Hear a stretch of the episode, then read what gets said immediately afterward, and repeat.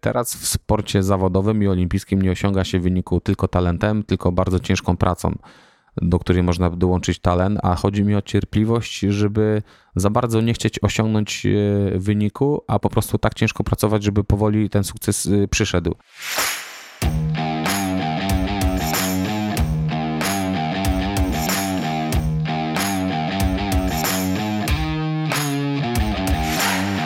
Nazywam się Cyprian Majcher i witam Cię w podcaście Elite Mentality. Audycji tworzonej dla osób pragnących poznać sposób myślenia, nawyki i mentalność ludzi, którzy osiągnęli mistrzowski poziom w swoich dyscyplinach.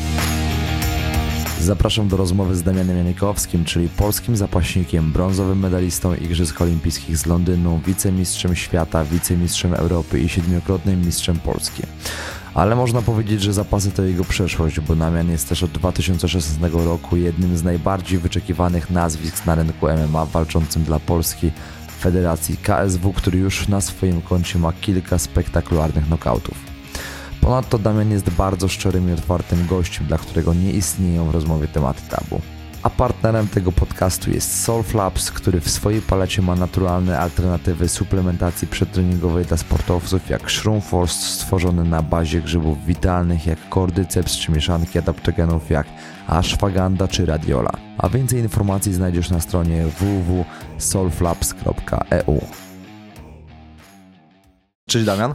Cześć, siemanko. Albo siemano Damiana, nie, nie wiem jak lepiej w sumie. Znaczy, no normalnie to mówią cześć Damian, a bardzo dużo ludzi właśnie z racji tego, że kiedyś jak zaśpiewałem piosenkę e, u Boskiego, to zaczynałem siemano tu Damiano, nie? Tak, właśnie zastanawiałem się skąd to jest synteksa, a nie zastanawiałeś się w ogóle, żeby kontynuować tej kariery raperskiej? Nie, bo to akurat przypadkiem było. Przed Igrzyskami Olimpijskimi dostałem od kolegi pierwszą płytę, właśnie to była drużyna e, mistrzów, nie? Płyta, pierwsza ich edycja i można powiedzieć, że wkręciłem się we wszystkie ich piosenki, bo do tej pory projekt y, właśnie Drużyna Mistrzów jest y, to taki projekt, który, gdzie, gdzie ma tak jakby motywować muzyką młodych sportowców, żeby właśnie zajęli się sportem i tam walczyli o swoje marzenia.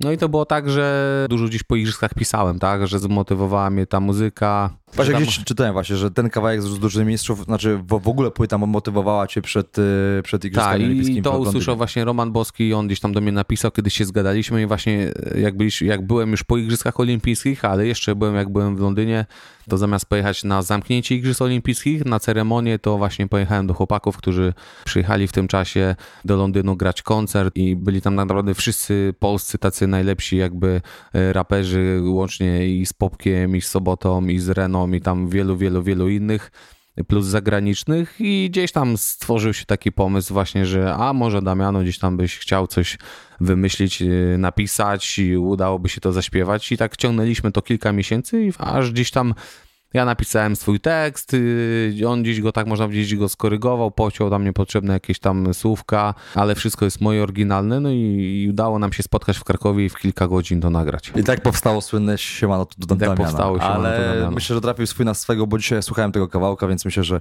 idealnie się wkomponowaliście, drużyna mistrzów, jeszcze gdzieś tam e, twój cały mental pod to. I tekst piosenki, jeśli mówisz, jest twój całkowicie. Tak, no całkowicie bardziej, mój, 100%. W 100%. To tym tak nawet mówiąc, to napisałem tak dużo, że całą piosenkę mogłem zaśpiewać ale tu tam czterech wtedy raperów się łączyło i tam mieli, mieliśmy tylko po 16 wersów z tego co pamiętam.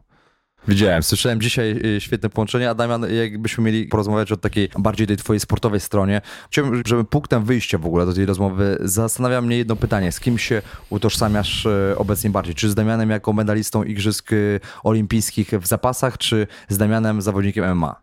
Znaczy, na pewno ani tym, ani tym. Musi to być połączone, ponieważ jednak jestem jakąś tam postacią, która była wysoką ikoną w zapasach polskich przez ostatnie lata. Zdobywałem medal na Mistrzostwach Europy, Świata i Igrzysk Olimpijskich i z, z, tymi wynikami wkroczyłem już tutaj w świat MMA. Także wiadomo, już te zapasy gdzieś tam mam za sobą, można powiedzieć, że zamknąłem tą, tą furtkę, ale nigdy nie wyprę się tego, tak, że byłem zapaśnikiem, że jestem medalistą olimpijskim, że byłem na wysokim poziomie, a teraz od dwóch lat jestem zawodnikiem MMA, także można to połączyć. Jestem zawodnikiem MMA z bardzo dobrymi osiągnięciami w zapasach i, i tak będą mnie cały czas ludzie kojarzyć, a ja tak będę będę się prezentował. I to jest bardzo ciekawe, muszę ci powiedzieć, bo możemy powiedzieć, że cały czas jesteś młodym gościem i w ogóle przejście w tym wieku. E, z... Młodym to na dowodzie jestem. Znaczy, młodym tak... myślę, znaczy to jest, to, to jest prawda, młodym na dowodzie, ale zawodowy sport potrafi ci zniszczyć, bo chyba no, czujesz się... jest trochę tak, niż, na, na pewno, zniszczony jestem. Na pewno nie, nie czujesz się jak normalny 30-latek, który e, pracuje sobie w korbo, tylko no, jesteś troszeczkę wy, wymęczony przez... No, co, coś za sport. coś, aczkolwiek e, naprawdę myślę, że jedną z najlepszych w ogóle prac tak, na świecie jest bycie sportowcem i, i pracować właśnie uprawiając jakiś sport, tym bardziej, który tam się lubi czy kocha, nie? No to prawda i w ogóle przejście u ciebie z jednej dyscypliny na drugą jest myślę gdzieś tam dość ryzykownym takim posunięciem, biorąc na przykład Michaela Jordana, który z koszykówki próbował swoich sił w baseballu i, i gdzieś tam wszyscy wiemy jak to się skończyło, no nie najlepiej, e, więc zastanawiam się w ogóle skąd u ciebie ten pomysł, na, żeby walczyć e, w MMA. Pomysł y, to raczej z racji tego, że zawsze lubiłem sportowe wyzwania i taką sportową rywalizację. W Polsce już od myślę od 2000 roku, może 2000 już pierwszy, drugi, mm, ja jeszcze bardzo młodym byłem, wiadomo, zapaśnikiem gdzieś tam dopiero zaczynałem, ale już w internecie, w telewizji, nie wiem, gdzieś w wywiadach, jakichś gazetach zaczęły się pojawiać pierwsze jakieś tam właśnie legalne i nielegalne już tak jakby turnieje, tak, jeśli chodzi o MMA. Później powstała Federacja KSW, która prężnie się rozwijała. No i zawsze gdzieś tam, gdzieś tam z tyłu tej głowy tak sobie kiedyś myślałem, a może kiedyś zakończę karierę zapaśniczą, to jak nie będzie za późno, to jeszcze pójdę do MMA, tak, żeby właśnie nauczyć się i boksu, i innych sztuk walki. Wtedy jeszcze nie myślałem, żeby po prostu być zawodnikiem i robić tak jakby karierę zawodniczą w MMA, ale bardziej myślałem o tym, żeby gdzieś sobie startować po prostu po jakichś zawodach, a robić to raczej dla siebie, żeby po prostu przydałoby się mi to gdzieś w życiu, tak, kiedyś. No ale z biegiem czasu, jak lata mijały, no to wiadomo tego więcej, to gdzieś tam bardziej fascynowało, to nawet już gdzieś po treningach, jak się miało różnych e, znajomych i przychodziły kluby inne, które właśnie, my kończyliśmy treningi zapaśnicze, a przychodziły kluby, które już trenowały i kickboxing, już brazylijskie jiu-jitsu i próbowały to łączyć w MMA.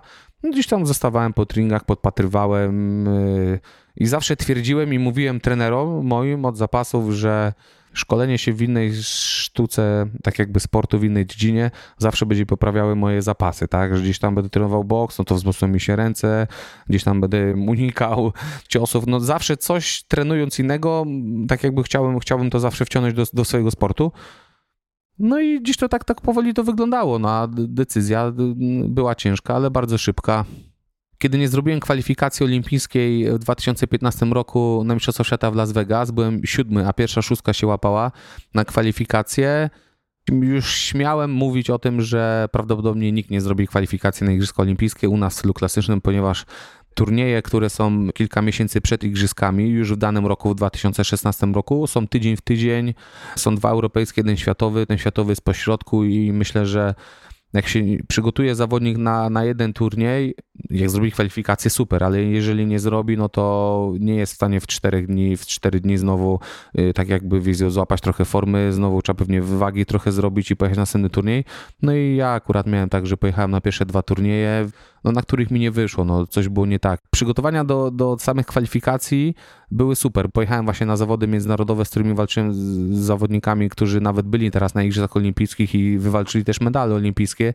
I ja z nimi wygrywałem y, na tych turniejach międzynarodowych i co bardzo dobrze dla tenera była taka sygnalizacja, że Damian jest w formie, tak, pojedzie na kwalifikacje, zrobi te kwalifikacje i pojedzie na igrzyska. Zresztą znowu gdzieś tam można powiedzieć, że na czołówce cały czas gdzieś byłem i byłem w stanie to osiągnąć, no ale widocznie przyszedł taki czas, kiedy przyszedł ten spadek, ten taki właśnie regres i po prostu siadło coś we mnie. Nie wytrzymałem y, już tego obciążenia i przegrałem na tych kwalifikacjach. I tam zdobyłeś siódme miejsce. Nie, nie, to mówiłem o 2015 roku, okay. kiedy byłem siódmy. Bardzo dobrze byłem przygotowany, ale przegrałem z zawodnikami lepszymi od, od siebie. Jeden aktualnie jest mistrzem olimpijskim, a drugim był brązowy, nie? Także z nimi tam dwie walki przegrałem wtedy na Mistrzostwach Świata, cztery wygrałem, też z dobrymi zawodnikami. No ale taki jest sport, tak się wygrywa, raz się przygrywa.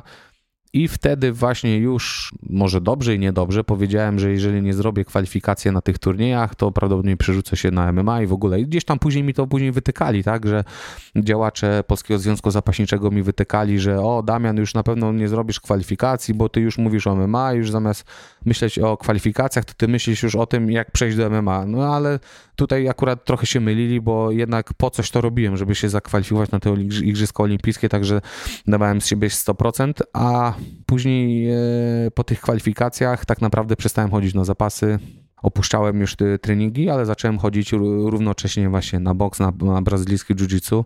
Okej, okay, czyli po prostu to była taka, można powiedzieć, przemyślana decyzja. Też fajnie jest to, że twój sport, czyli zapasy bardzo mocno korelują z MMA, bo myślę, że pod tym kątem, nie wiem, taki przykład mi przychodzi do głowy akurat Szymon Koesje, o którym też rozmawialiśmy wcześniej, który gdzieś tam z samego podnoszenia ciężarów przechodzi na sporty walki. To już myślę gdzieś tam ze sztangi na matę, to już myślę, że duży przeskok u ciebie. Myślę, że tą bazę taką też siłową zapaśniczą do MMA myślę na pewno sobie wyrobiłeś, ale właśnie to, co powiedziałeś e, przed chwilą, że właśnie też gdzieś w środowisku dużo było takich krytycznych głosów, że porzuciłeś, e, no, co by nie było, dyscyplinę olimpijską za komercję. Jak się w ogóle ustosunkowałeś do takich e, głosów? Nie wiem, nie wiem, czy nie pamiętam, czy jakoś osobiście, czy przez jakieś portale społecznościowe w jakiś sposób się wypowiedziałem, ale moje grono moich rówieśników i znajomych e, przyznawało mi rację, powiedzieli, że to dobry jest krok.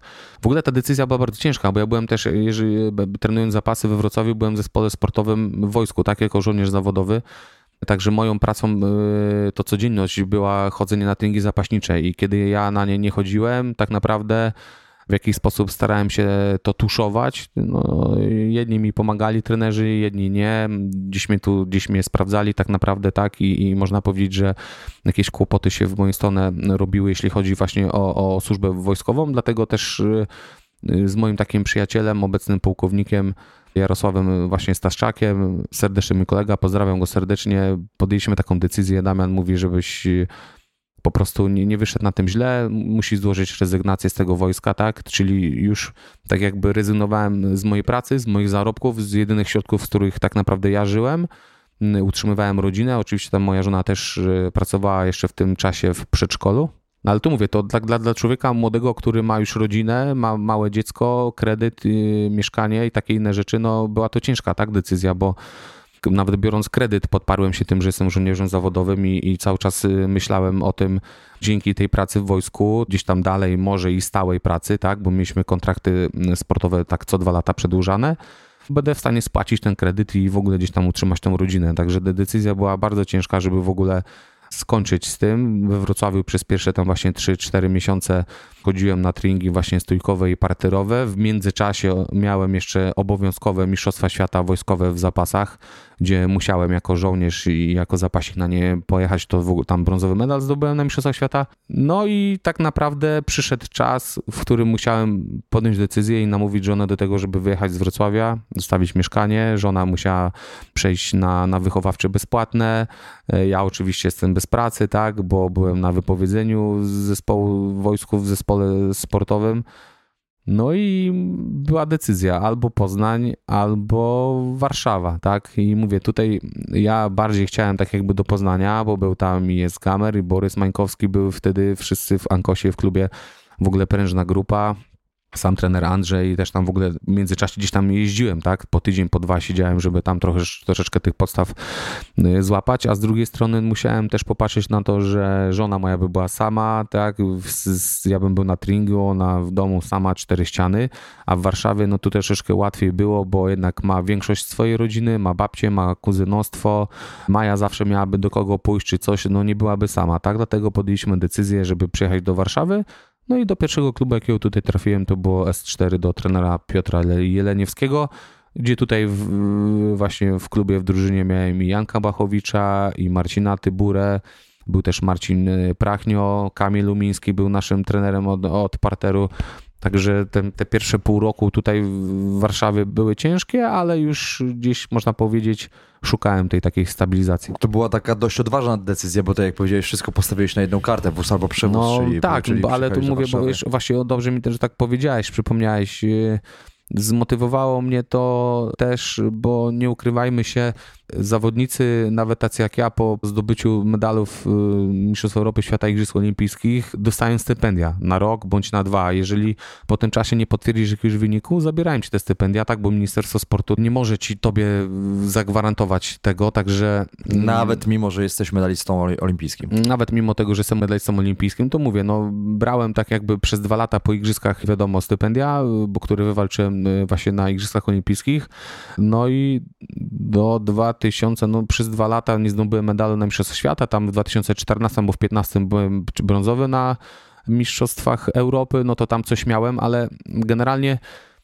najgorsze było to, że, znaczy już najgorsze, już po prostu miałem tego dosyć, że wyjeżdżam z domu 260-70 dni w ciągu roku, jestem poza domem, mam małe dziecko, mam rodzinę, którzy są, chcieliby tak ze mną też spędzać czas, nie mogą ich wszędzie zabierać i tak naprawdę tyle dni mnie nie ma za tak ciężką pracę, a za tak małe wynagrodzenie, tak? Bo wiadomo, no wiadomo, gdzieś tam miałem te stypendium, raz nie miałem, miałem wypłatę wojskową, ale utrzymać e, rodzinę, spłacać kredyt, e, wiadomo, też ma się auto, trzeba zatankować, trzeba się jakoś ubrać, trzeba jakoś wyglądać jak człowiek, no to już po głowie cały czas mi chodziły tutaj, co mam robić, czy mam dalej trenować, jeździć za te marne, marne pieniądze, czy jest szansa właśnie, żeby pójść do MMA, akurat miałem fajnie, bo poznałem Martina Lewandowskiego, także który on powiedział mi, że Damiano masz furtkę e, otwartą u nas e, w KSW, a że mówię, federacja jest prężna, rozwija się i po prostu ja wiedziałem, że jak wygram pierwszą, drugą, trzecią walkę, to będę w stanie mógł później dziś załóżmy zarabiać większe pieniądze i, i złapać jakichś sponsorów, których akurat na dzień dzisiejszy mam, za co bardzo się cieszę. Nawet powiem, jest to firma Duffy, Blachy Pruszyński, Pitbull e, West Coast oraz Sport Definition. To są cztery marki, które mnie wspierają e, i bardzo się cieszę, że ich mam i tak naprawdę ja nie muszę się martwić. Tak, nie jest tak, że żyję z miesiąca na miesiąc, jest troszeczkę lepiej.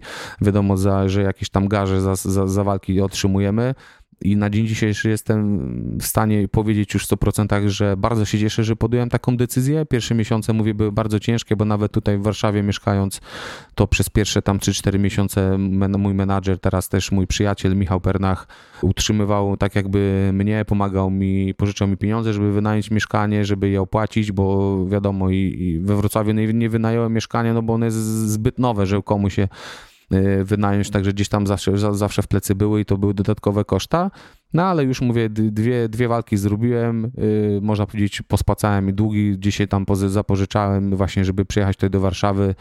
W trzeciej walce już zarobiłem tyle, że, że generalnie mogłem sobie coś na coś już tak jakby odłożyć, albo żeby parę złotych na tym koncie, na koncie było. Także na dzień dzisiejszy jestem w stanie powiedzieć, że bardzo się cieszę, że podjąłem tę decyzję dalej w jakiś sposób reprezentuję gdzieś te zapasy, bo byłem zapaśnikiem, ale już tak naprawdę utożsamiam się najwięcej z zawodnikiem MMA. Okej, okay, a jeszcze zastanawiam się pod takim kątem twojej motywacji w ogóle, dlaczego zdecydowałeś się na zmianę tej dyscypliny, dlatego że no gdzieś tam wiemy, jak wyglądają kwestie finansowe w sporcie. Jeśli nie uprawiasz sportu, jakim jest piłka nożna, siatkówka, no to rzeczywiście tutaj jest e, bardzo ciężki temat z tym związany, więc zastanawiam się, czy będąc zawodnikiem zapasów mogłeś liczyć w ogóle na nie wiem, wsparcie swojego klubu, zanim zostałeś e, takim medalistą olimpijskim, jeśli miałbym zapytać się o zarobki, czy w ogóle w zapasach one były, no bo to też nie ukrywajmy, jest e, ważny czynnik, dla którego jakby chcesz kontynuować swoją przygodę e, z tym sportem, chcesz przechodzić na zawodowstwo,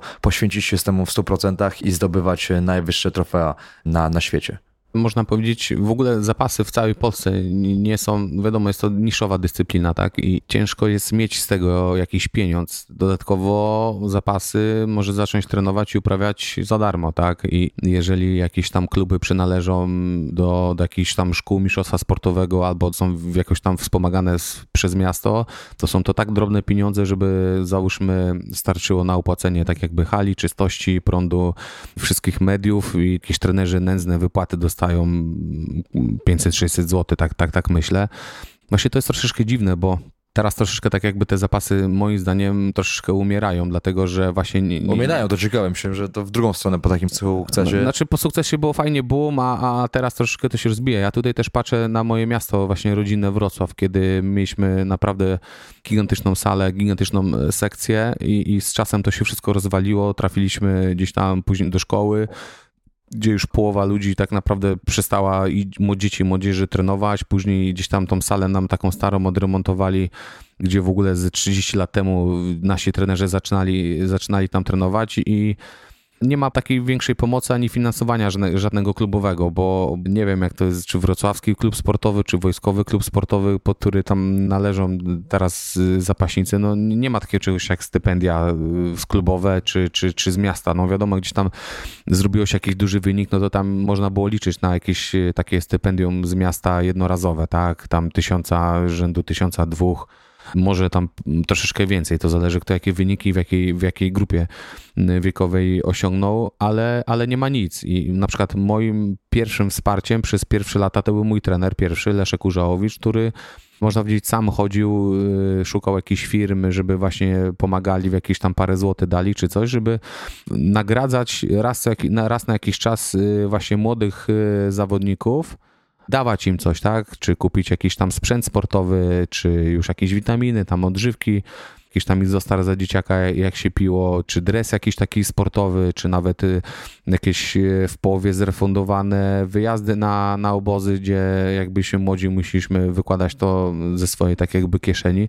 Także myślę, że, że za dzieciaka to, to była taka jedna bardzo mocna motywująca w ogóle rzecz, że trener dbał o nas i wszystko robił, żeby ci zawodnicy w tym klubie byli, tak? No i tak jak ja zaczynałem i było nas 30 kilka osób na sali, tak po 10 latach zostały dwie, trzy osoby, także Zresztą trener kiedyś o tym wspominał, bo zawsze miał takie dobre opowiadania, że mówi, zobaczycie, kiedyś, kiedyś, kiedyś, co by się nie działo, zostanie was tutaj dwie, trzy osoby, co nie? No i tak, tak, tak się stało. No i zostali ci najmocniejsi, najbardziej wytrwali, ale mówię, na to wszystko składało się wiele, tak jakby wiele lat i poświęcenia, życia prywatnego i jakiejś tam pracy i też na pewno pomoc przyjaciół gdzieś z boku, tak, bo też nie ukrywam, gdzieś tam stawałem po bramkach, pracowałem, żeby dorabiać i, i na różne sposoby dorabiałem, a zawsze gdzieś miałem wśród swoich znajomych takich dobrych przyjaciół, którzy odsuwali mnie od, od, pewnych rzeczy, a, a na przykład można powiedzieć, że składali się, robili jakieś stypendia, coś, także gdzieś ta jakaś tam pomoc była po prostu, żebym ja szybko gdzieś tam nie zrezygnował z tego sportu i po prostu widzieli we mnie potencjał.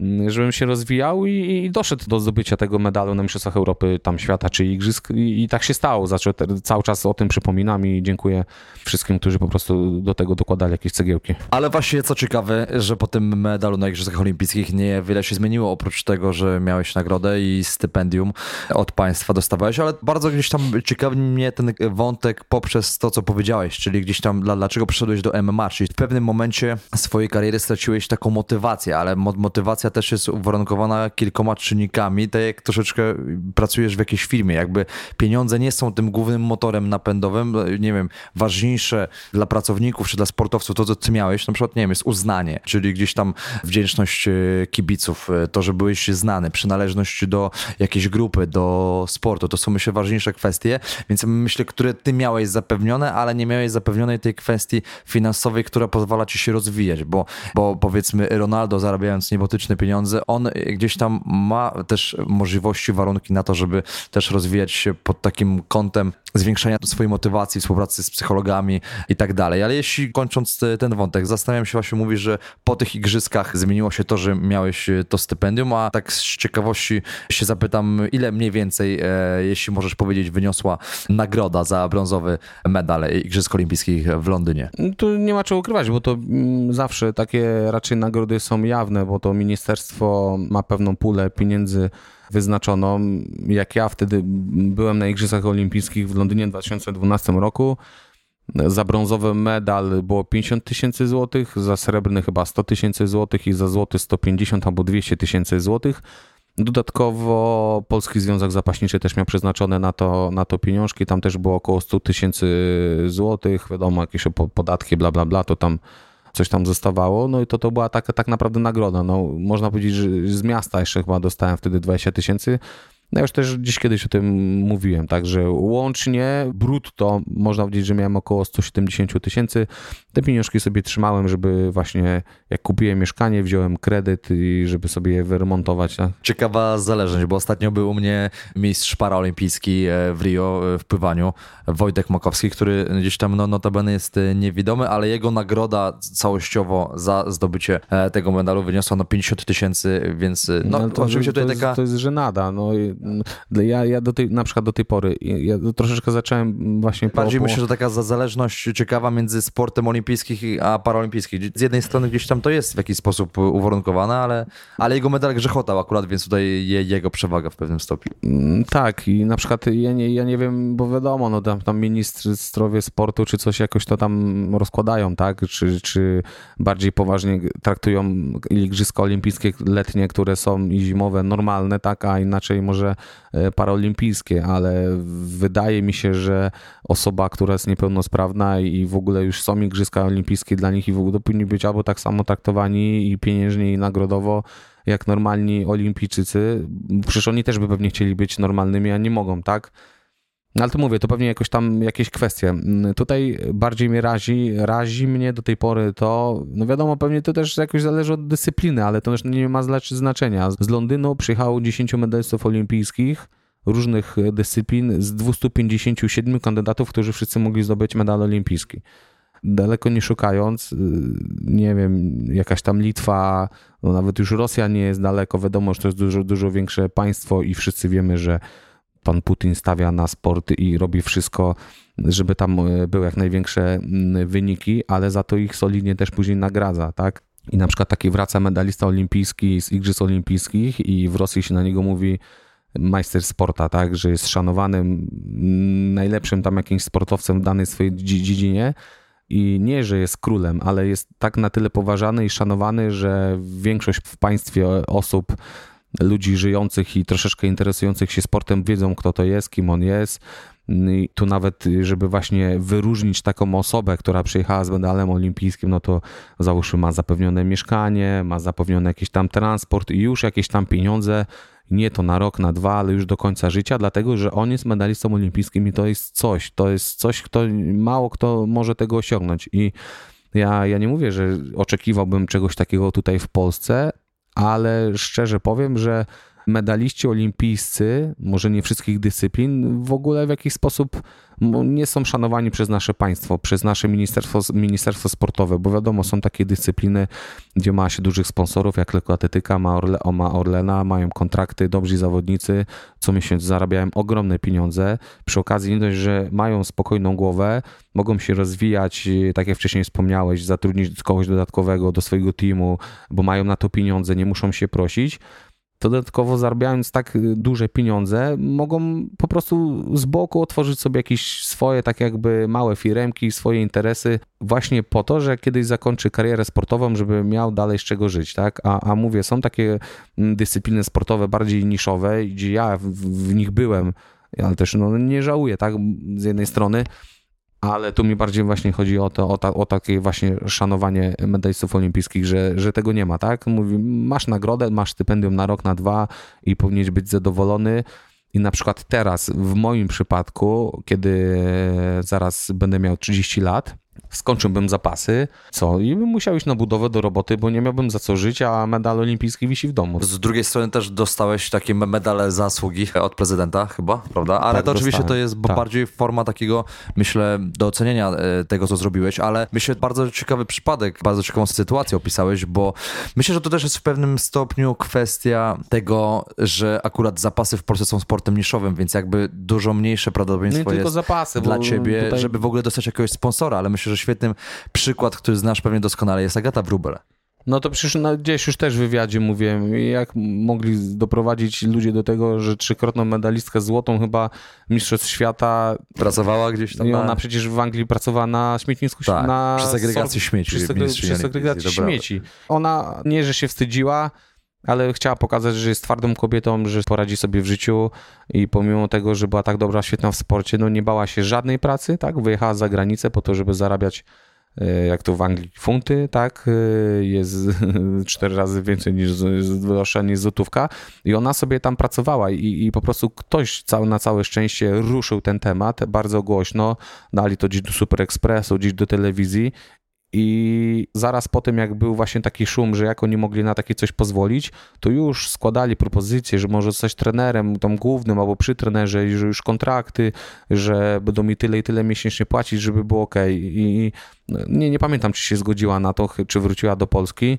Ale no, to, to, tak jak ty powiedziałeś, jest to przykład i jest to po prostu haniebne, tak, dla sportowca, który poświęca całe życie na, no wiadomo, na początku, żeby tylko osiągać wyniki, tak, ale będąc dorosłym człowiekiem chciałby się pracować i zarabiać i dostawać za to wynagrodzenie. Także jeżeli ktoś jest na najwyższym poziomie, to powinien być nagradzany całkiem nieźle, żeby nie martwić się tak naprawdę o swoją dalszą przyszłość. Tak? Dobra, tak jak mają za zawodnicy NBA czy piłkarze, gdzie gdzieś tam ich kariera kończy się w wieku 35-37 lat i oni mają zaplecze finansowe takie, żeby móc do końca życia żyć no 10, na bardzo 90% są bankrutami.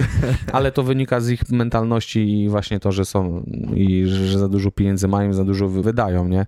Bo teraz z tego, co, co rozmawiałem niedawno z Marcinem Gortatem, to wielu zawodników e, tak naprawdę zatrudnia do swojej stajni takich jakby coachów finansowych i, i, ludzi, którzy też e, są odpowiedzialni za to i w jaki sposób oni wydają pieniądze, no to tak jak w Stanach byli i bokserzy i, i właśnie koszykarze, że w 90% chyba nawet do tej pory wszyscy, którzy mieli ogromne pieniądze, kończą e, kariery sportowe, gdzieś tam po paru latach zostają bankrutami. Tak, to prawda. Jeszcze słyszałem, że koszykarze to jest jedna z takich większych grup społecznych, która e, inwestuje w ogóle w startupy, bo też po to, żeby za, za szybko nie pozbyli się swoich pieniędzy, żeby zostało troszeczkę im na koniec kariery, ale jeszcze jak już jesteśmy, Damian, na tych igrzyskach olimpijskich, to zastanawiam się w ogóle przy takich kwestiach sportowych, czy czujesz w ogóle jakiś lekki niedosyt związany z tym, że zdobyłeś trzecie miejsce na nich, bo mimo, że osiągnąłeś najwyższy wtedy od ponad 16 lat sukces w swojej dyscyplinie, to przegrałeś z Egipcjaninem,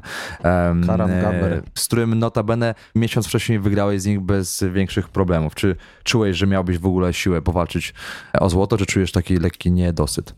Ten temat już dawno zamknąłem za sobą i, i bardzo się cieszyłem w ogóle z tego, że jednak ostatnią walkę, którą stoczyłem na Igrzyskach Olimpijskich, to była moja wygrana walka i dała mi ten brązowy medal olimpijski, ale tam byłem na igrzyskach w stanie powalczyć o złoty medal, bo nawet przegrywając tę walkę powiedziałem trenerowi, że ja już dalej nie walczę, nawet nie chcę tego brązu, dlatego że przyjechałem tutaj po złoto, nie?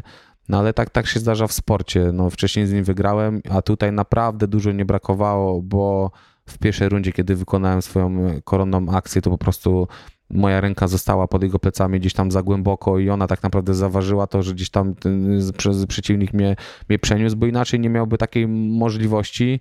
Później w ogóle w drugiej rundzie, bo tak pamiętam urywkami, yy, robiłem też dosyć taką akcję, która się nazywa wózek w parterze. No po prostu no już go zrobiłem, ale no milimetrów zabrakło, żeby sędzia gdzieś tam zauważył, że te plecy były przychylone gdzieś tam mm, pod kątem w stosunku do maty, tak? I, i w trzecią rundę, no to już naprawdę Gaber to jest do tej pory chodząca, żyjąca mm, legenda zapasów, bo 4 lata wcześniej w kategorii wyżej był mistrzem olimpijskim i zrobił to po prostu w bardzo spektakularny sposób. No i tak właśnie przegrałem, a w finale on przegrał z zawodnikiem z Rosji, z Alanem Kugajewem, z którym ja wygrałem na Mistrzostwach Świata i tam, gdzie zrobiłem kwalifikację olimpijską, także e, Ruscy naprawdę bardzo wielką e, taką obawę mieli mnie, że ja dojdę do finału i będę w stanie wygrać e, z ich zawodnikiem, co nawet mówił sam Karelin, tak, który jest chyba najbardziej słynny, jeśli chodzi o zapaśników z całego świata, że właśnie boją się mnie. Czy jesteś spełniony w ogóle w swojej dyscyplinie w zapasach? Tak. Czy czujesz się spełniony? I jestem spełniony. Oczywiście, że gdzieś tam ambicje, jak trenowałem, były większe, tak, żeby tych medali jeszcze więcej zdobywać ale to, co zawsze mój trener powtarza, właśnie ten pierwszy Zrobiłem dużo. Zrobiłem medal na każdych zawodach najwyższej rangi na świecie, jakich mogłem zrobić. Także na Mistrzostwach Europy, Świata i Igrzyska Olimpijskie i z każdego turnieju mam medal. Widzisz, akurat to, co też powiedziałeś, że mimo, że przez władzę, może przez państwo jakby olimpijczycy nie są e, aż tak bardzo docenieni, to myślę, że udało ci się i tak osiągnąć niesamowity sukces, bo medal olimpijski to jest też, tak jak wspomniałeś, zupełnie inny wymiar niż e, Mistrzostwo Świata w jakiejś dyscyplinie Ja pamiętam jeszcze, grałem w olimpijskiej odmianie rugby siedmioosobowego.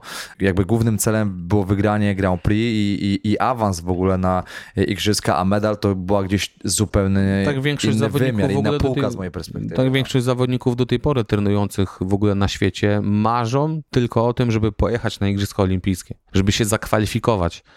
A dalej, no to już też życie pokaże, czy są w stanie ten medal olimpijski sięgnąć, bo jak to się zawsze takie stare jakby mówi, przysłowie mówi, że Igrzyska Olimpijskie rządzą się swoimi prawami, tak? Możesz być najlepszy na każdym innym turnieju, na każdych innych zawodach, wygrywać z mistrzami świata olimpijskimi, mistrzostw Europy, jedziesz na Igrzyska Olimpijskie, po prostu jak nie trafisz tego dnia, to ciebie nie ma, tak? I nie masz też medalu. I, i sporo też gości tego podcastu, którzy gdzieś tam, tam byli mistrzami świata, czy osiągnęli mistrzowski poziom e, na pewno w swojej dyscyplinie, to często jedynym elementem, którego im zabrakło w ich karierze do tego spełnienia, o czym mówił też ostatnio na przykład Karol Kłos, e, że właśnie był brak tego medalu na Igrzyskach Olimpijskich, gdzie to jest taki wymierzony wymiar, ale też myślę pod y, twoim kątem, że dużo przeciwników y, z MMA obecnie, myślę, że z wielką pokorą i szacunkiem y, podchodzi e, do ciebie też głównie ze względu na fakty, oczywiście twojej siły i, i takich niezwykłych możliwości, ale to, że również jesteś e, olimpijczykiem w zapasach akurat, to myślę, że gdzieś tam sam ten fakt jakby jest e, przyczyną tego, że gdzieś tam osiągasz niesamowity szacunek e, w ich oczach, ale też e, z innej strony się zapytam o koszt kwestii wyrzeczeń. Ile cię to kosztowało, bo myślę, że sporo osób oglądało twój wywiad po zdobyciu e, tego medalu, gdzie płakałeś. Ja ci szczerze powiem, nie. że nie widziałem nigdy tak początego olimpijczyka. W sensie to było mega fajne, ale to też Ta pani, która robiła ze mną wywiad, po prostu potrafiła to pociągnąć dalej, bo ja pierwsze łzy, łzy poleciały mi już po odebraniu medalu olimpijskiego, jak już byłem na podium. Ja zacząłem trenować od 9 roku życia i, i to z, od czwartej klasy podstawowej. I bardzo ciężko jest opisać w ogóle szczegółowo wiele sytuacji, które gdzieś tam po drodze się odbywały, nadarzyły, aż do tego momentu, właśnie kiedy zdobyłem ten medal olimpijski, bo wszystko w skrócie powiedzieć, no to gdzieś tam rodzina rozbita, wyjazd do taty na 3 lata, później przyjechałem, bo z powrotem chciałem do mamy, do brata, do siostry wrócić no to w domu łatwo nie było, no to mama dała mnie do adopcji, do babci, babcia przyjęła prawa rodzicielskie, tak naprawdę gdzieś tam kuzy mnie zaciągnął na zapasy, gdzieś nie chodziłem w ogóle po podwórkach, nie zaprzyjaźniałem się zbyt mocno, tak jak gdzieś tam zawsze w podstawówce czy w gimnazjum, tak, po szkole gdzieś sobie znajomi wychodzą z klasy, poznają się, razem spędzają czas, jeżdżą na wycieczki, e, które są organizowane w szkole, bal gimnazjalny, bal licealny, ja po prostu nigdy, w życiu na takich rzeczach nie, nie byłem, no i jak już byłem starszy, no to tak byłem lubiany, ale byłem dziwnie gdzieś też tak odbierany, no bo ktoś mnie gdzieś tam do końca nie znał, tak? Ale ja zawsze po prostu wolałem nie wiem, uciekałem nawet ze szkoły po to, żeby po prostu rzucić plecak z zeszytami, z, z, z, książkami i wziąć plecak, który miałem spakowany na trening i już pędziłem na salę po to, żeby tam się zobaczyć że ze znajomymi swoimi i z trenerem, który po prostu miał tak e, super w ogóle podejście do młodzieży, że można by było siedzieć i się gapić w niego w jakiś, jak w jakiś dobry obraz, tak? I, I, to było też takie bardzo mocno mo motywujące.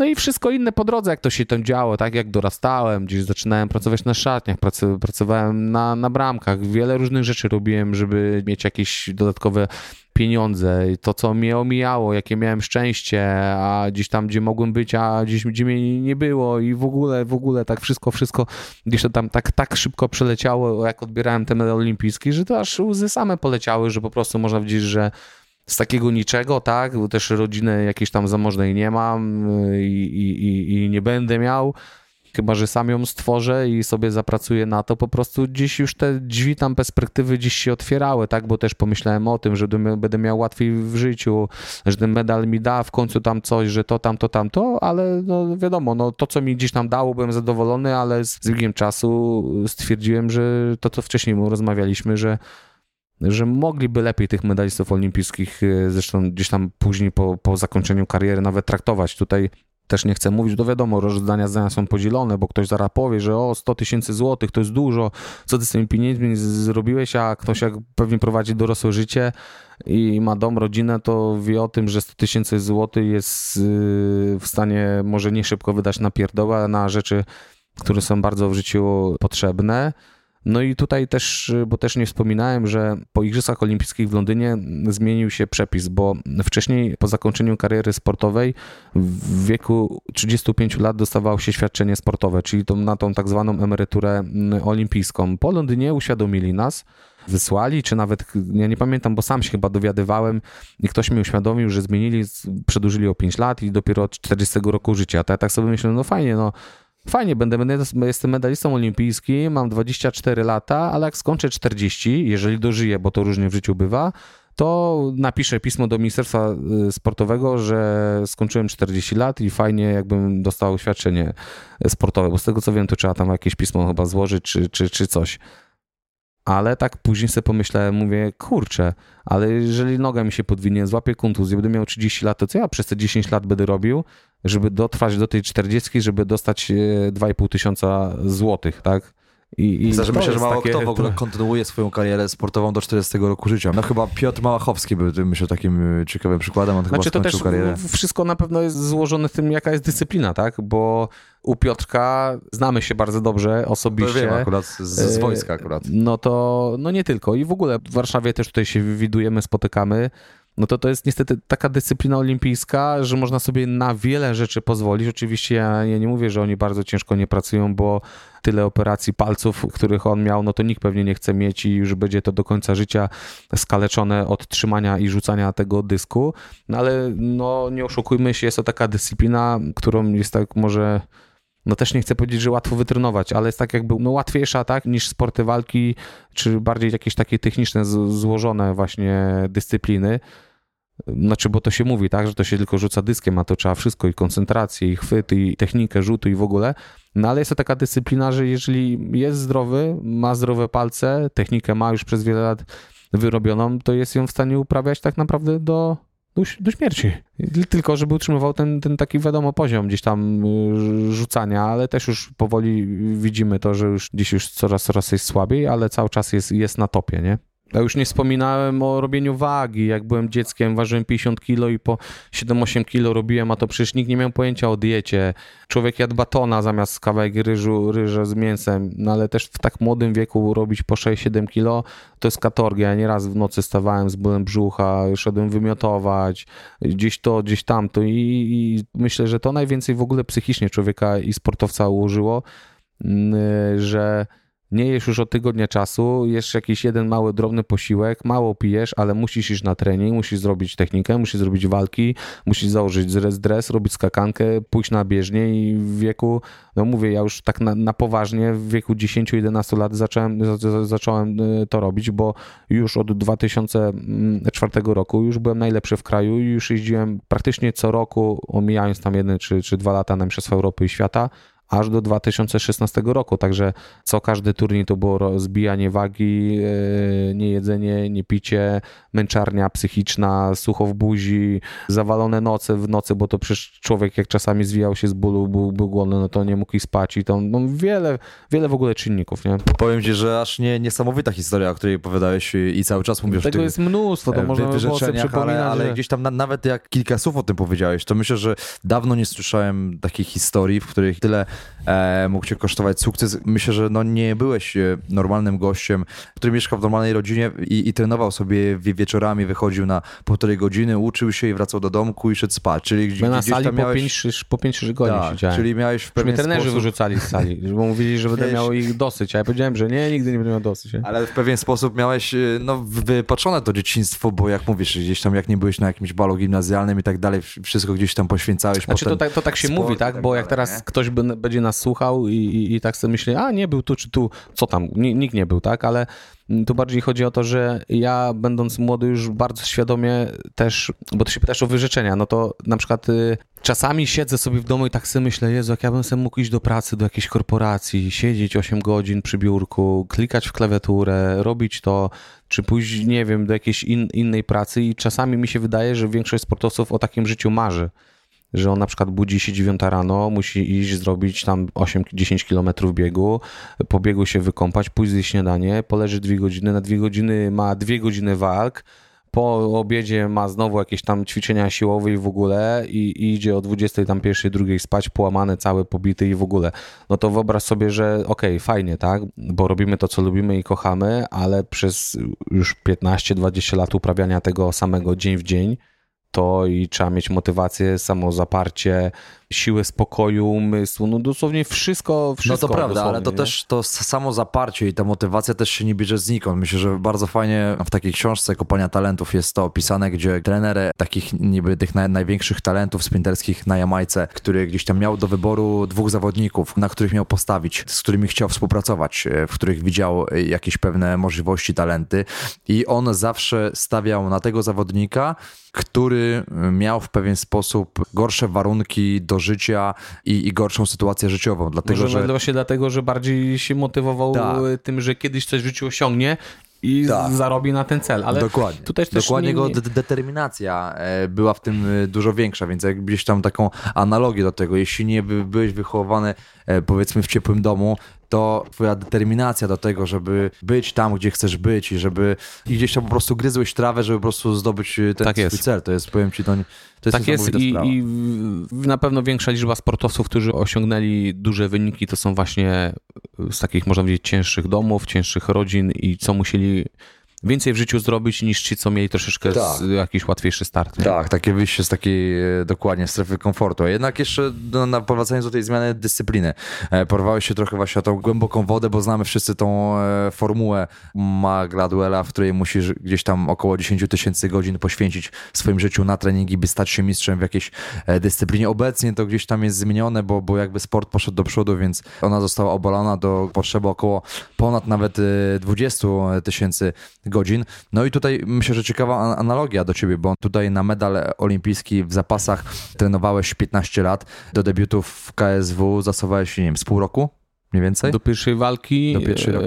tak stricte MMA przyjeżdżający do Warszawy 4 Mhm. miesiące. 4 miesiące. Cztery no miesiące, a we Wrocławiu już takie 3-4 po prostu zaczynałem, tak? Ale chodziłem gdzieś osobno na boks, gdzieś osobno na to, na to, na to. Teraz na czym pracujemy, a pracujemy na podstawach. Aha. Nigdy w życiu podstaw nie robiłem, w sensie i brazylijskiego jiu-jitsu i, i, i boksu, tylko od razu wchodziłem gdzieś jak jakby w, to, w tą grupę zawodową. Próbowałem się uczyć i naśladować to, co oni robią, ale jednak te błędy dziś wychodzą i są braki w podstawach, bo tak naprawdę tylko w tym jest i, i właśnie teraz na dzień dzisiejszy właśnie zajmuję się tym, żeby e, nadrabiać e, braki w podstawach. No właśnie, jeszcze na- nawiązując do tej twojej ostatniej walki z Michałem Materlą, bo rozumiem, że no nie jest łatwo rywalizować ci z gośćmi, którzy robią to od ponad, nie wiem, 20 lat, ja- jak Michał Materla i zastanawiam się, czy nie wkurza cię to w ogóle, że medalista olimpijski, gdzie pół życia poświęcił na treningi, staje się żółtodziobem w czymś i musisz gdzieś tam uczyć się takiej dyscypliny zupełnie od nowa. Znaczy, aż tak nie myślałem, że, że Michał trenuje 20 lat, y, jeśli chodzi o tą walkę, że jest tak bardzo dobrym zawodnikiem, a jest oczywiście wiadomo, tak, że, że ja trenuję dopiero to, dałem półtora roku czy, czy, czy dwa i że, że jestem w tym żółtodziobem. Bardziej to odebrałem to, że on trenuje od małego, ja trenuję od małego, tak, tylko że oczywiście odmienne dyscypliny.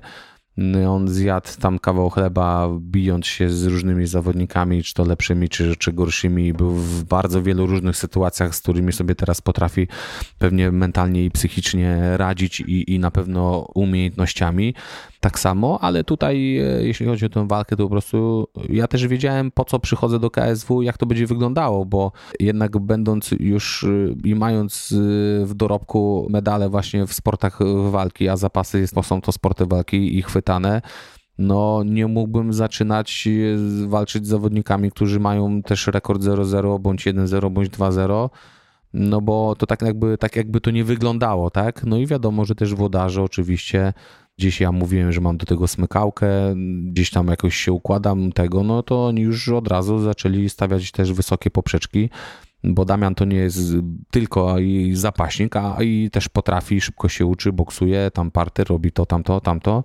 Gdzieś w jakiś sposób to też pewnie przez te swoje pierwsze walki dziś udowadniałem. No i też musi przyjść czas na to kiedyś, żeby spotkać się naprawdę z mega dobrym zawodnikiem w tej dyscyplinie. No i przegrane walki też, też uczą. Rozmawialiśmy jeszcze na początku e, o tym porównaniu, bo w podobnym czasie właśnie mm, zaczynaliście swoją przygodę z e, MMA, z Szymonem Kołeckim, bo on też zmienił dyscyplinę, tak jak wspomniałem, z podnoszenia ciężarów na MMA. Co byś powiedział w ogóle na znalezienie się w fight cardzie z Szymonem e, Kołeckim. Dwóch medalistów olimpijskich w klatce. Myślę, że to byłoby ciekawe widowisko zapewne. No na pewno zestawienie sportowe byłoby to mega, tak? Bo, bo dwóch teraz w tym samym czasie jakby zaczęliśmy trenować MMA, on medalistą olimpijskim, ja medalista olimpijski, także pewnie byłoby to ciekawe, aczkolwiek pewnie do tego nie dojdzie, przynajmniej w najbliższym czasie, bo pierwszą pewnie rzeczą pasową to jest to, że on walczy dla innej federacji, drugą jest to, że walczy w innej kategorii wagowej, Także to też ma na jakiś na pewno duży, duży wpływ. Chyba, że on będzie gdzieś kończył karierę, ja będę kończył karierę i gdzieś takie zestawienie się zrobi po prostu tak, takie freakowe. Znaczy, może dobra, może nie, może e, to będzie extra fight, może nie freak fight, dlatego że... No nie jesteście yy, celebrytami, tak, można Szymon, powiedzieć, Szymon, Szymon jest za, w 100% e, sportowcem, tak samo jak i ja, także to przepraszam, to nie będzie walka, nie będzie walka freakowa, tylko to będzie walka super fight, tak jak teraz tak, Mamet się bije właśnie drugi raz z, z z Tomaszem Narkunem, także to jest extra fight. Także może kiedyś do takich walk gdzieś tam mogłoby dojść, ale myślę, że Szymek też y, dobrze wie ze swoim, ze swoim sztabem trenerskim jak y, budować y, swoją karierę też bardzo spokojnie i bardzo fajnie to zaczął, wygrywa walki, buduje rekord, co mu na pewno w przyszłości gdzieś to za, zaowocuje. Ja troszeczkę po prostu szybciej i mocniej poszedłem w to. Czy masz taki element w MMA, który sprawia ci na największe problemy? Nie mam. Nie mogę zdradzać takich nie możesz, elementów. A, a, słyszałem, że paradoksalnie twoją... E, na, Zapasy. Na, no właśnie. Możesz powiedzieć, jak to jest możliwe, że... Tak słyszałem, gdzieś tam e, czytałem ostatnio, że największym problemem dla ciebie, gdzie odpowiedziałeś e, w MMA, były zapasy. Powiedz mi, nie, nie wiem, jak to jest w ogóle możliwe, więc jakbyś mógł powiedzieć dwa słowa na, na ten temat. Z jednej strony mówię to, żeby to po prostu powiedzieć, żeby było śmiesznie i, i żeby też tak jakby było, a z drugiej strony rzeczywiście zapasy w MMA są naprawdę inne i bardzo całkiem inne. Przede wszystkim ja wywodzę się ze stylu klasycznego, gdzie atakowałem tylko od pasa w górę. Były to różne rzuty, obalenia, gdzie tak naprawdę przy rzutach to w ogóle w MMA już jest tak jakby trochę nieskuteczne, bo można często gęsto gdzieś właśnie samemu się wkopać, położyć na plecy, zostać skontrowanym, no a do, do schodzenia po kostki, po nogi, no to też nie jest mi prędko, tak, dlatego ucząc się wszystkiego, czyli i, walki w parterze, i walki zapaśniczej w MMA, i tutaj już takiej typowo bokserskiej, kickbokserskiej, powiedziałem, że najciężej pra prawdopodobnie idą mi właśnie zapasy. Okej, okay, tak troszeczkę paradoks, ale już wiem o co ci chodzi. A jeszcze, Damian, interesuje mnie pewna kwestia. Zastanawiam się, ile trenujesz w ogóle w ciągu dnia. Czy mógłbyś e, w miarę możliwości przybliżyć e, swój dzień pod kątem sportowym w kontekście twoich e, przygotowań? Do walki? Trenuję od poniedziałku do soboty, tak jak człowiek chodzi do pracy. Trenuję dwa razy dziennie, w sobotę mam jeden trening, teraz nawet muszę dorzucić w niedzielę jeden trening, bo brakuje mi dni w tygodniu. Właśnie dlatego, że chciałbym i chodzę i zaczynam troszeczkę tych podstaw robić, czyli muszę poświęcić troszeczkę więcej czasu, więcej zaangażować y, trenerów w to, żeby poświęcili mi czas. No ale to jest moja praca, tak? Ja się na, na to zgodziłem. No to dziennie to na pewno na macie gdzieś jestem około 4-5 godzin. Drugie tyle jestem tak naprawdę w dojazdach, tak? Bo też mieszkając na Ursynowie, dojeżdżając y, do naszego klubu WCA, który jest gdzieś tam na wysokości Łomianek, no to jest jednak cała Warszawa do przejechania. Nawet raz odważyłem się rowerem pojechać, zrobić trening i jak już wracałem, to już wydawało mi się, że koła w asfalt mi się wlepiają. Ale na pewno warto jest to robić, to co, to, to, co robię teraz i, i jest to bardzo opłacalne i, i ja się z tym dobrze czuję. No i widziałem zresztą, jak trenujesz i nawet mieliśmy okazję trenować razem na warszawskim e, AWF-ie u, u świetnego trenera. Była okazja i myślę, że parę razy gdzieś tam jeszcze skorzystam, jak już będzie cieplej się zrobi. Tak, u Marcina Domańskiego, e, trener 24.com.pl, pozdrawiamy Marcin. Pozdrawiam. E, swoją drogą. Byłego... A to dzięki Danielowi Omielańczukowi, bo oni gdzieś tam się gdzieś poznali, tam Artur A. Szpilka jeszcze i tak, tak. zaczęli chodzić. A Koprzostak i... jeszcze był. A Koprzostak, tak. I dlatego tak myślę, że warto gdzieś jest szukać różnych nowych rzeczy i od czasu do czasu właśnie jakiegoś po prostu spróbować innego treningu. No tak, a swoją drogą Marcin też jest byłym e, fizjoterapeutą reprezentacji, reprezentacji Polski w rugby, ale i też widziałem, no twoje możliwości były też naprawdę duże, widziałem, no worek treningowy do szarży e, prawie rozszerpowałeś jak pitbull, więc myślę, że w rugby byś się nadawał e, na pewno, ale też e, chyba miałeś epizod z tego, co gdzieś tam wyczytałem nawet e, w futbolu amerykańskim. amerykańskim też. Tak, to, to no, gdzieś mówię, to, to, to podobnie jak z tym rapem było, że moi... Może bardziej wizerunkowa, ta. To było taki nie.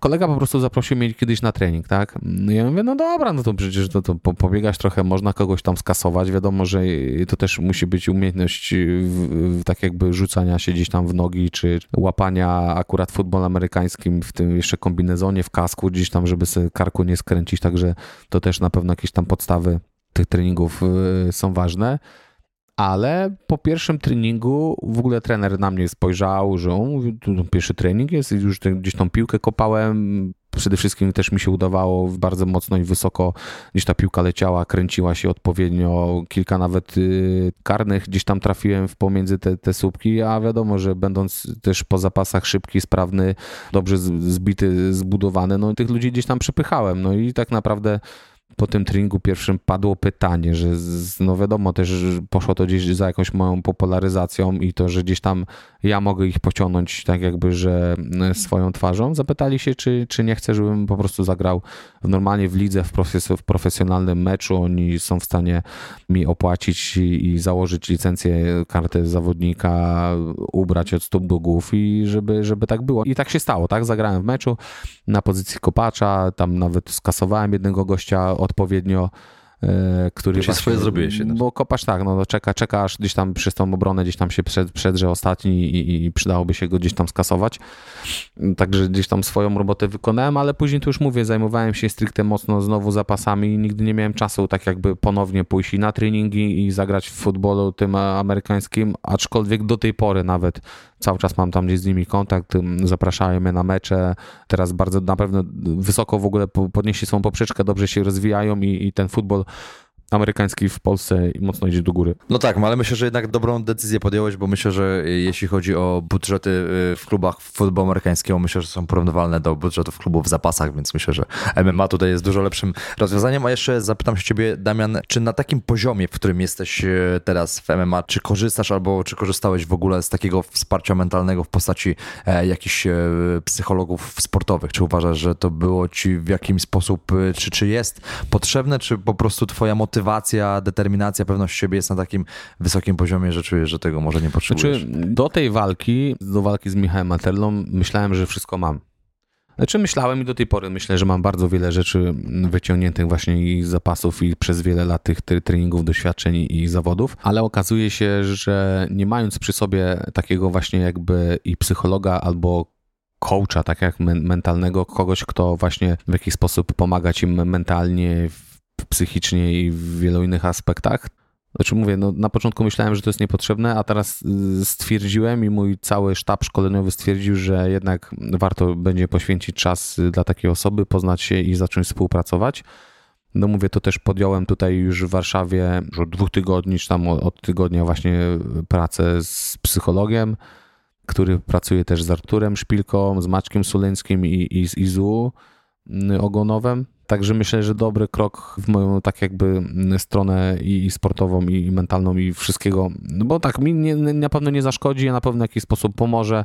Co najważniejsze jest to, to nie jest tak jak wiele różnych doktorów albo specjalistów y, zaprasza cię do swojego gabinetu i ci nawija makaron na uszy. Tutaj od razu zauważyłem, że gość jest y, spoko, jest normalny, idzie z nim pogadać. Przede wszystkim, co jest najważniejsze, przyjeżdża na treningi. To się mało, mało co zdarza, że przyjeżdża na treningi, obserwuje ci na treningu, jak się zachowujesz, jak się skupiasz na treningu, jak oddychasz, bo to jest bardzo ważne i fajnie, że on w ogóle takie rzeczy mówi, podpowiada, uczy. Przyjeżdża na sparingi, y, pyta się mnie, kiedy mam na przykład bieg albo jakiś, czy lubię grać w squasha, mówi, dodawaj, umówimy się. Także w ogóle to jest dla mnie już coś takiego fajnego, że pozyskujesz nowego tak jakby trochę kolegę, tak, bo to wiadomo, że z kimś jak chcesz pracować albo współpracować, no to musisz się z nim poznać i, i fajnie to jest to, że nie przychodzę po prostu gdzieś tam na kartce nie, nie, nie rysuję jakichś chmurek, tak, żeby się skoncentrować, tylko tylko mogę się normalnie ustawić z chłopakiem na trening, pobiegać i, i zatrzymać się, pogadać, a on właśnie równie dobrze przychodzi na treningi i gdzieś między treningami w przerwach właśnie podpowiada mi różne rzeczy, które będą mi po prostu później procentowały i na treningach, i na walkach. Super, jestem ciekawy, jak to wypadnie. Takie wdrożenie takiego szczegółu tak naprawdę twojej przygotowania i zadbanie o taki aspekt mentalny, bo rozumiem, że już po, nie wiem, dwóch tygodniach współpracy, czy czujesz w ogóle jakąś różnicę taką na plus? Przede wszystkim inaczej trochę zacząłem oddychać na treningu i myślę, że to jest bardzo dużym plusem, bo najważniejszą rzeczą, jaką w ogóle jaką sportowiec w każdej dyscyplinie może być, mieć i się nauczyć, to jest jednak oddychanie, tak? I, i to, i kiedy oddychasz, koncentrujesz się. Kiedy koncentrujesz się, nie popełniasz błędów i robisz wszystko to, co masz zaplanowane w 100%, a przede wszystkim jesteś świeży.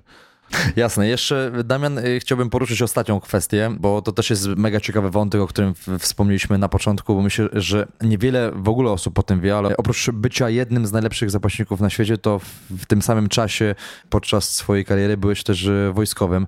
No i właśnie tutaj, czy mógłbyś powiedzieć, y, skąd wziął się u siebie w ogóle pomysł na wojsko, bo wydaje mi się, że ty byłeś już chyba w tym roczniku, w którym chyba na styku, w którym zniesiono obowiązkową służbę wojskową, ale jednak chyba tak, to miałem, to w ogóle miałem w fajnym momencie, trafiłem w 2010 albo 2011 roku, tutaj powiem, jak już się wcielałem, że nawet nie musiałem e, odbyć tej takiej służby przygotowawczej, która trwa, trwa od 4 do 6 miesięcy.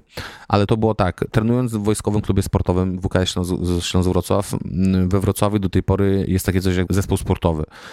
I wojsko też po prostu pozyskuje i chce mieć najlepszych sportowców na świecie. Oczywiście reprezentując y, kraj na naszych Mistrzostwach Europy, Świata i Igrzyskach Olimpijskich, ale też są zawody wojskowe. Są Mistrzostwa Świata wojskowe i są Igrzyska nawet y, letnie wojskowe, które też się odbywają co 4 lata. I każde państwo, z tego co nawet teraz zauważyłem, po prostu pozyskuje, czy do policji, czy do wojska, czy do, do żandarmerii, czy do straży pożarnej, e, takich najlepszych sportowców, przede wszystkim po to, żeby na pewno ich w jakiś sposób wspierać, a z drugiej strony mogą się nimi, nimi pochwalić i wyjeżdżając na jakieś zawody właśnie służb mundurowych, e, robią też rangę, podnoszą, tak, gdzieś tam światową i w ogóle gdzieś tam się odbija w tym wojsku. Ale moja akurat przygoda z wojskiem zaczynała się tak, że w 2009 roku, kiedy zdobyłem pierwszy medal na Mistrzostwach Świata Juniorów. To jest takie, takie początki, tak?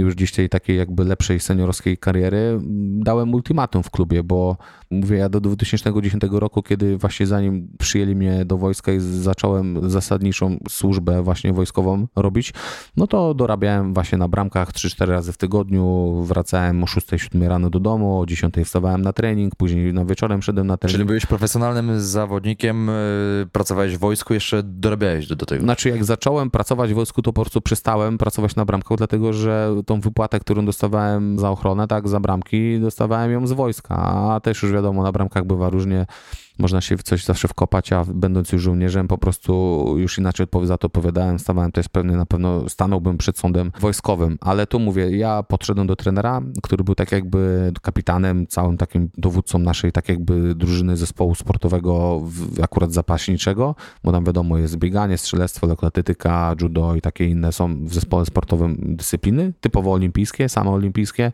no i powiedziałem, mówię trenerze, znajdźcie mi etat w wojsku, bo jeżeli mnie znajdziecie, to ja odchodzę z zapasów, bo po prostu nic z tego nie mam, nie?